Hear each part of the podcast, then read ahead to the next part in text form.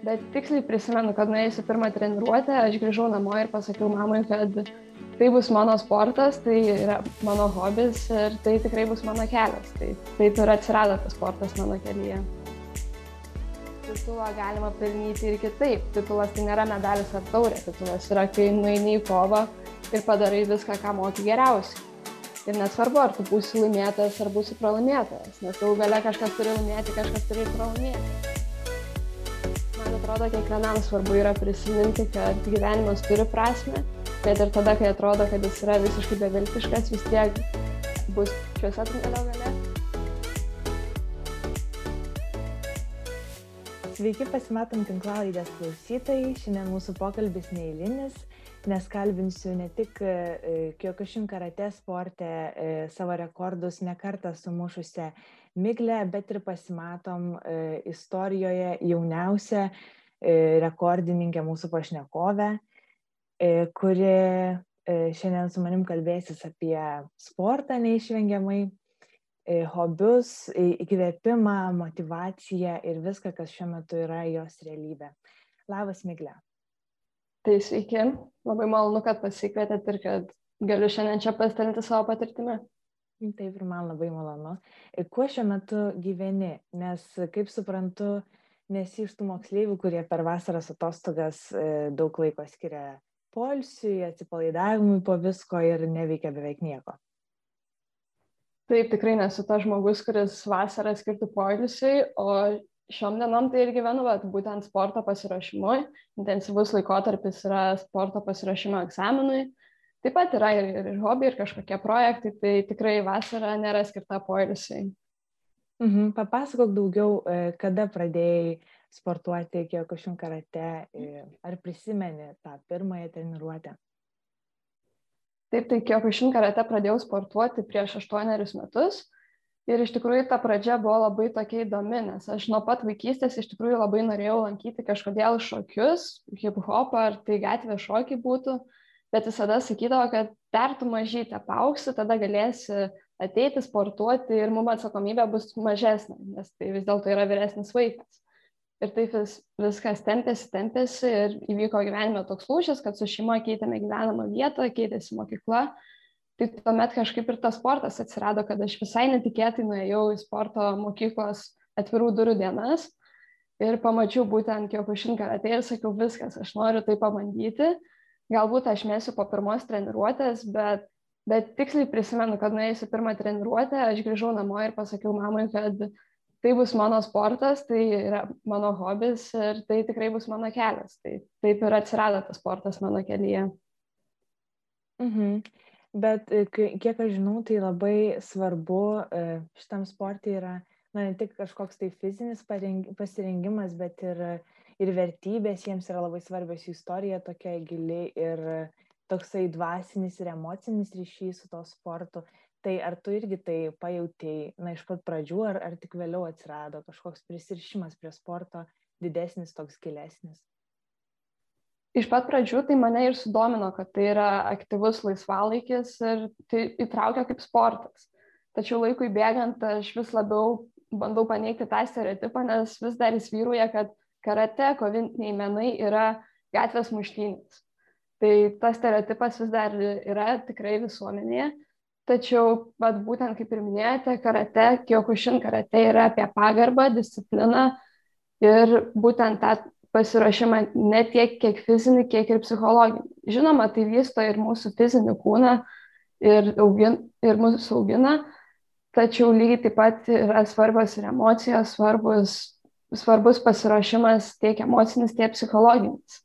Tai tas ryšys tarp fizinio ir emocinio pasirašymo yra labai labai toks didelis ir labai labai svarbu šiam keliui. Mhm. Minėjai pagarbą. Ko tave išmokė šitas sportas? Gal kažką pakeitė tavo gyvenime, ne tik sportuojant, bet ir apskritai asmeniniam gyvenime kažkaip vertybės ar kažkas tai? Tai va, pirma mintis ir kyla, kad pagarba, Ir aš labai mhm. gerai prisimenu vienas varžybas Latvijoje, kuomet aš sukovau su priešininkė ir nueis po kovos, aš tą kovą pralaimėjau tuomet, bet mano priešininkė Latvijos atstovė atėjo ir man paspaudė ranką ir padėkojo už kovą.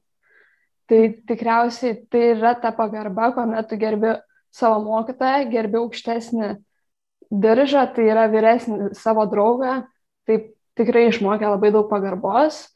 Ir žinoma, išmokė ir nepasiduoti, nes jeigu, kaip pagalvoju, jeigu aš po kiekvienos kovos, kada pralaimiu ją, pasiduočiau, tai tikriausiai mano karjera nebūtų 8 metai, būtų savaitė ir dvi.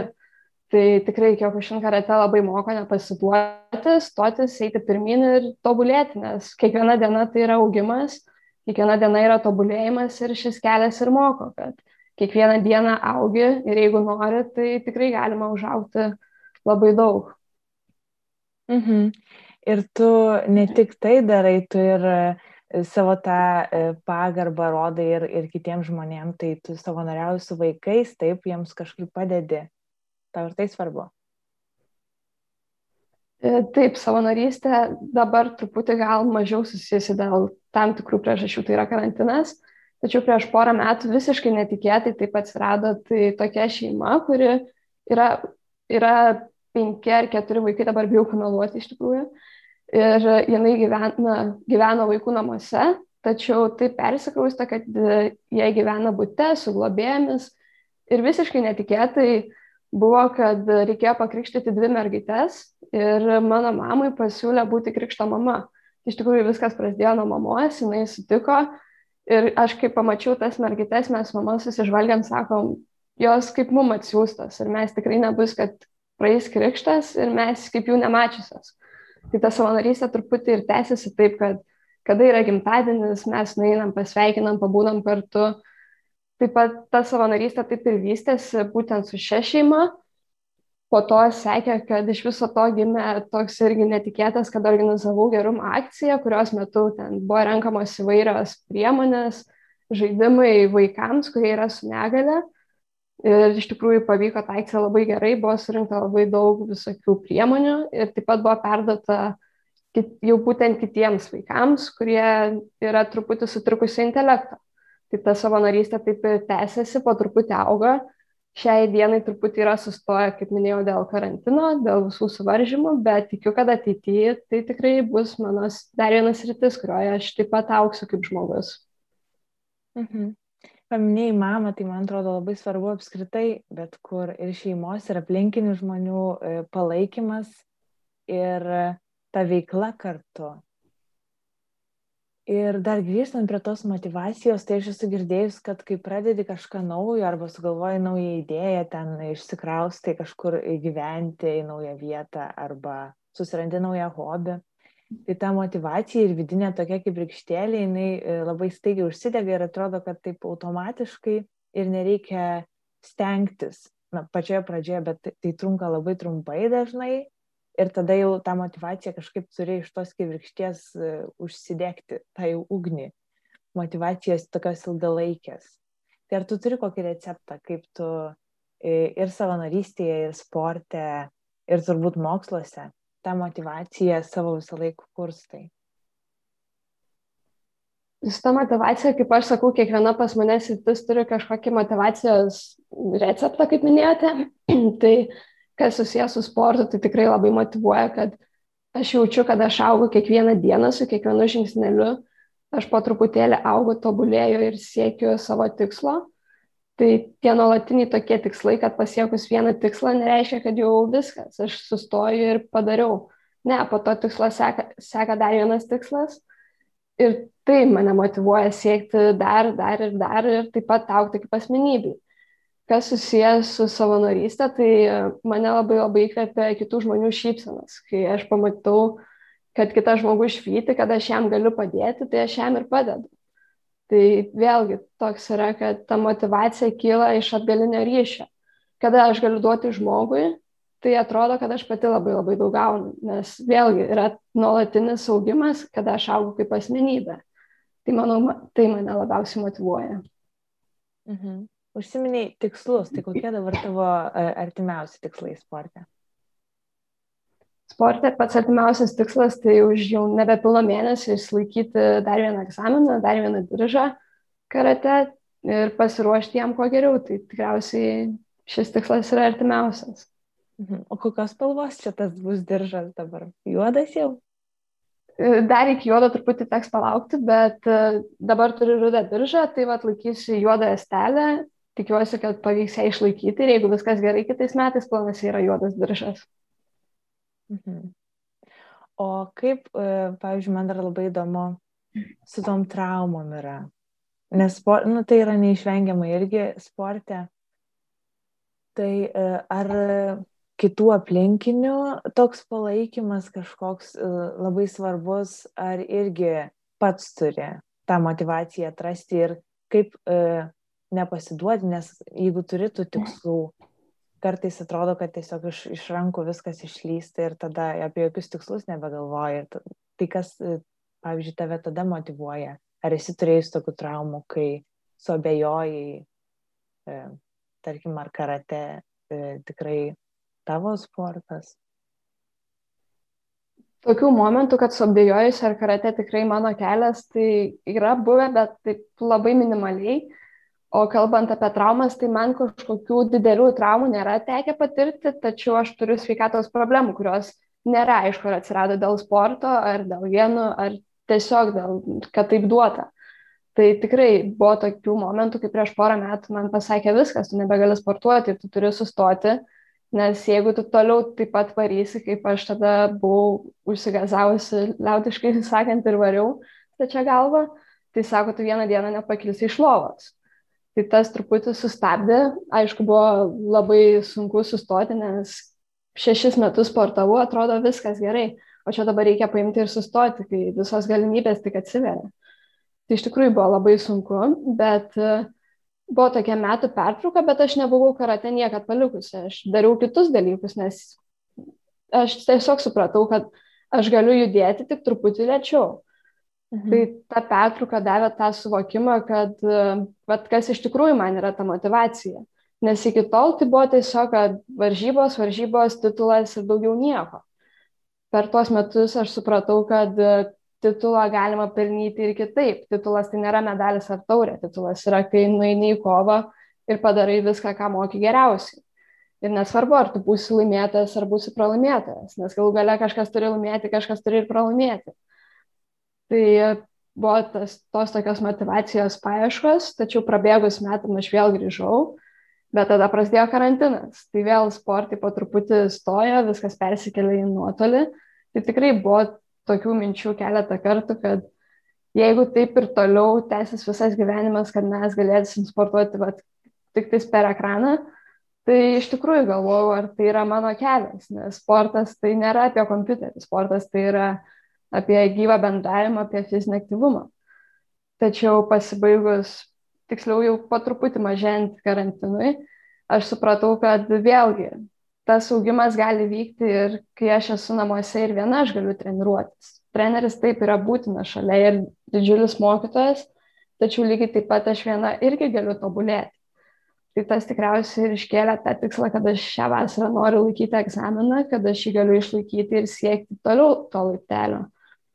Tai ta motivacija tokia ir kyla, kad netgi traumai, net nežinau, kaip sakyti, ar tai yra trauma ir dėl sveikatos problemų, bet dėl to ir atsirado ta motivacija, kad vėlgi aš įsivardinu, kad tai yra augimas ir tas titulas nebūtinai yra taurė ar medalis, tai yra tiesiog augimas. Mhm. Labai svarbu, kaip ir tu sakei, mokėti ir pralaimėti ir patirti tas nesėkmės ir žinoti, kad tai proceso dalis yra. O ir sakei apie trenerius savo, apie žmonės, kurie aplink tave, kai, kai sportuoji, kas tave labiausiai įkvepia?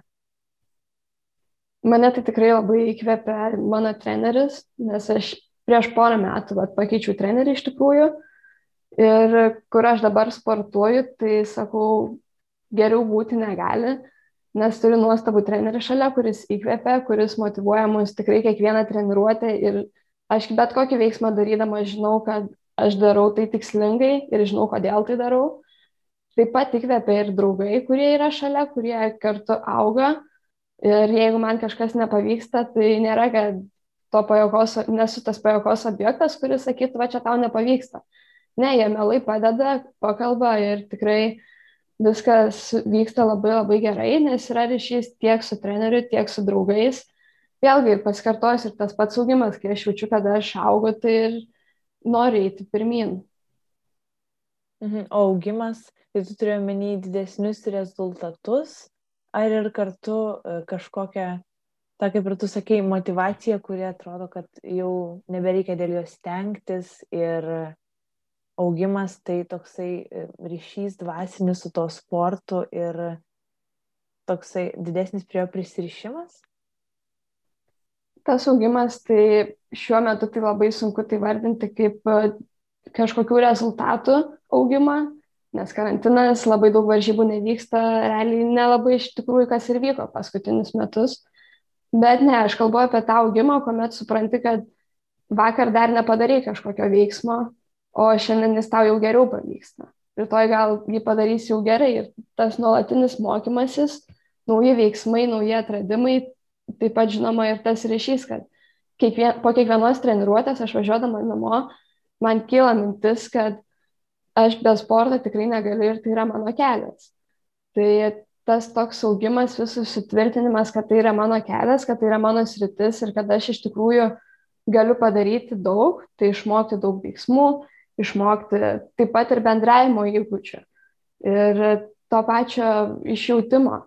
Tai tas augimas labiau eina per tą prizmę, kad aš augau kaip žmogus, kaip asmenybė ir taip pat visi tie vat, prizai, apdovanojimai ir rezultatai, kas susijęs su varžybomis, tai yra tik tais priedas, tai nėra prioritetas man.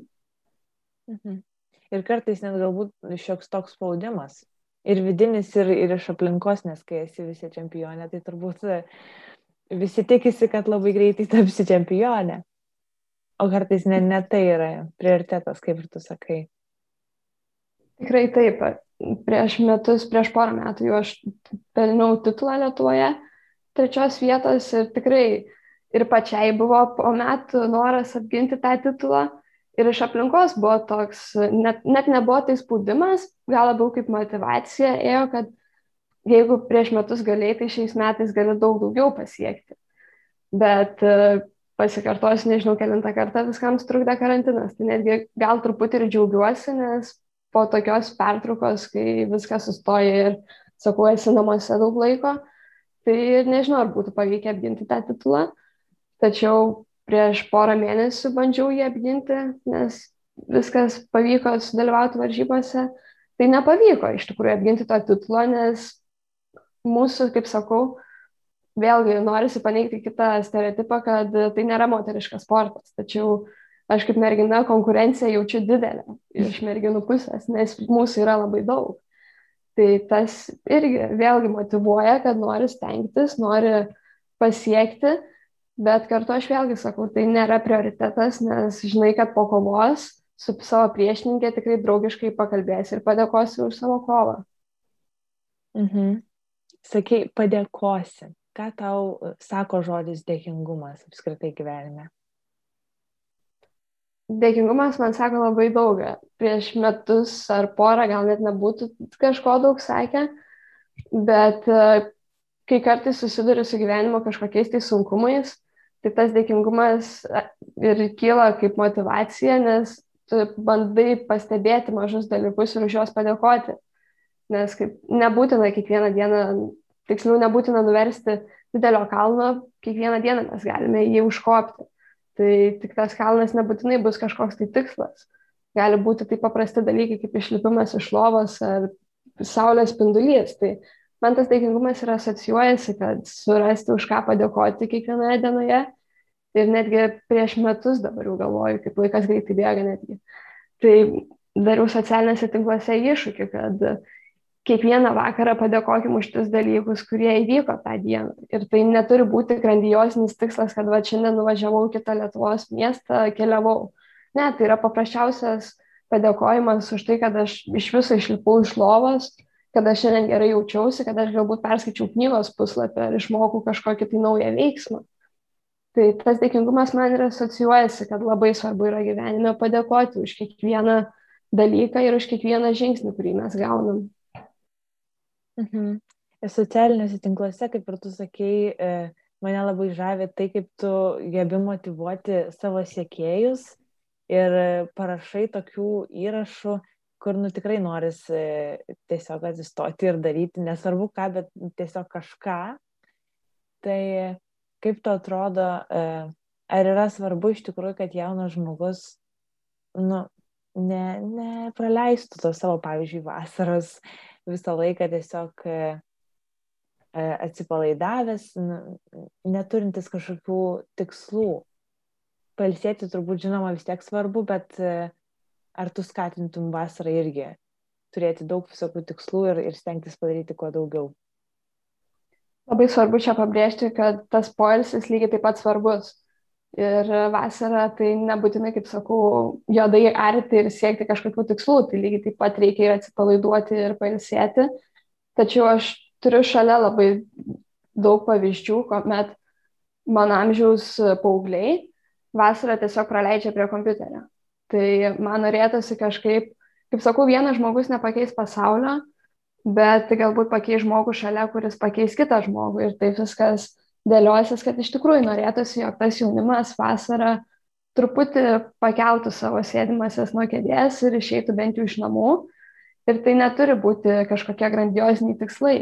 Tai gali būti tiesiog išėjimas su draugais, bendravimas. Tie patys, tas pats, tiksliau, fizinis aktyvumas. Nereikia sportuoti ir būti sportininku, kad galėtum aktyviai judėti, užtenka išeiti pasivaikščioti į lauką.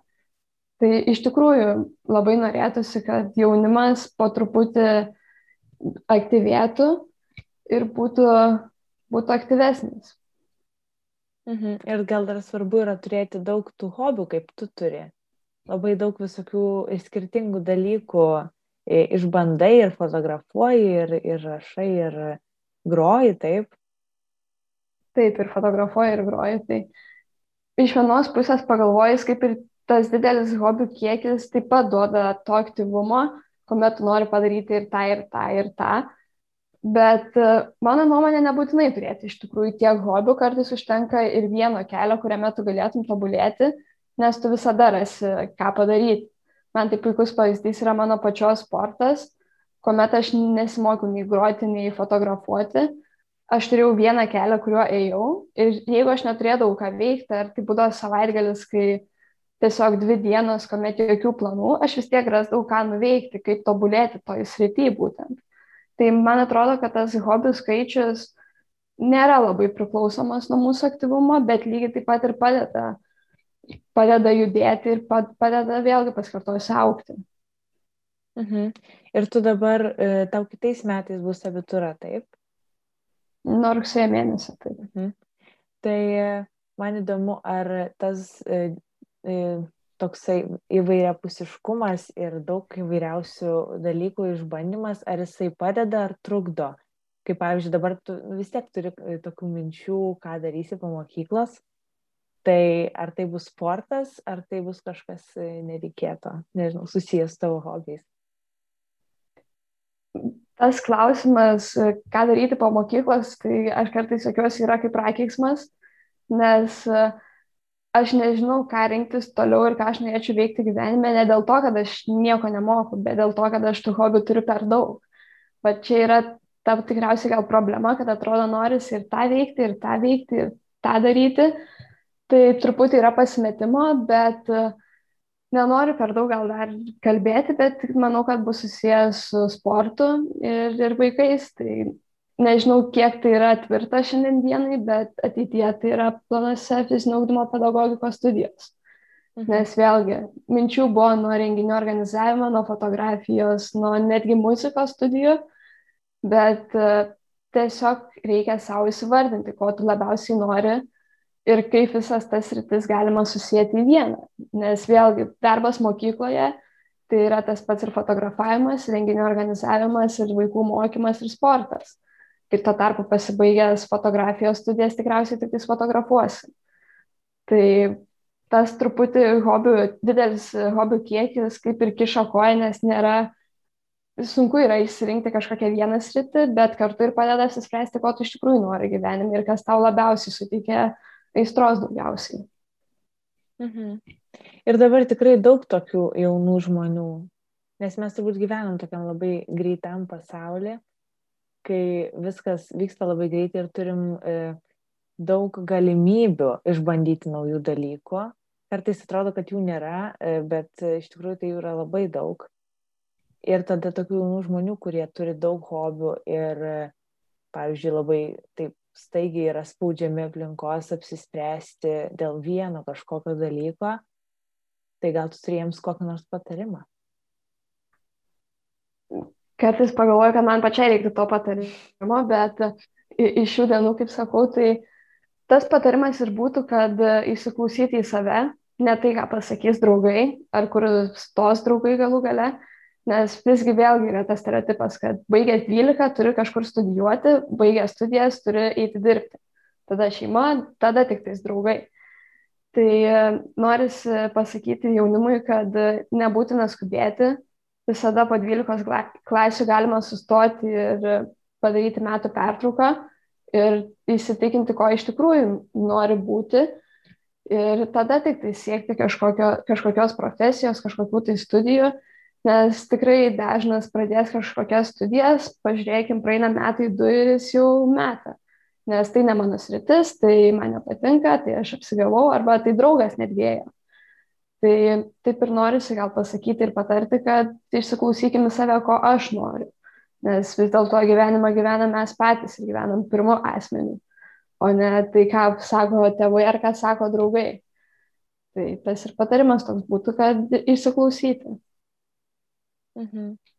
Ir kartais gal svarbu dar ir tam įsiklausimui, gal lengva pasakyti įsiklausyti, kartais nebegirdi per tą visą aplinkos triukšmą savęs.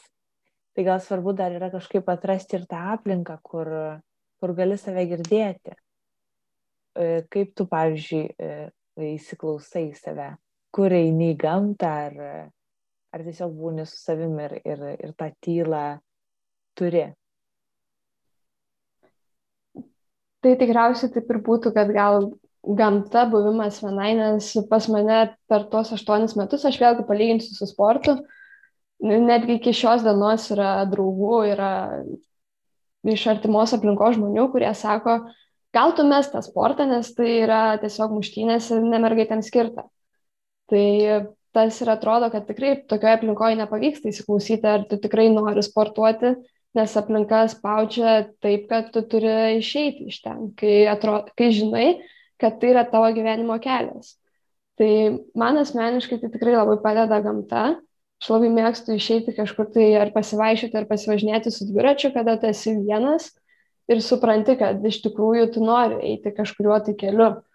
Lygiai taip pat padeda ir buvimas vienai, gal aš nesu tas paauglys, kuriam reikia labai daug draugų ir to tokio draugų susibūrimo didelio.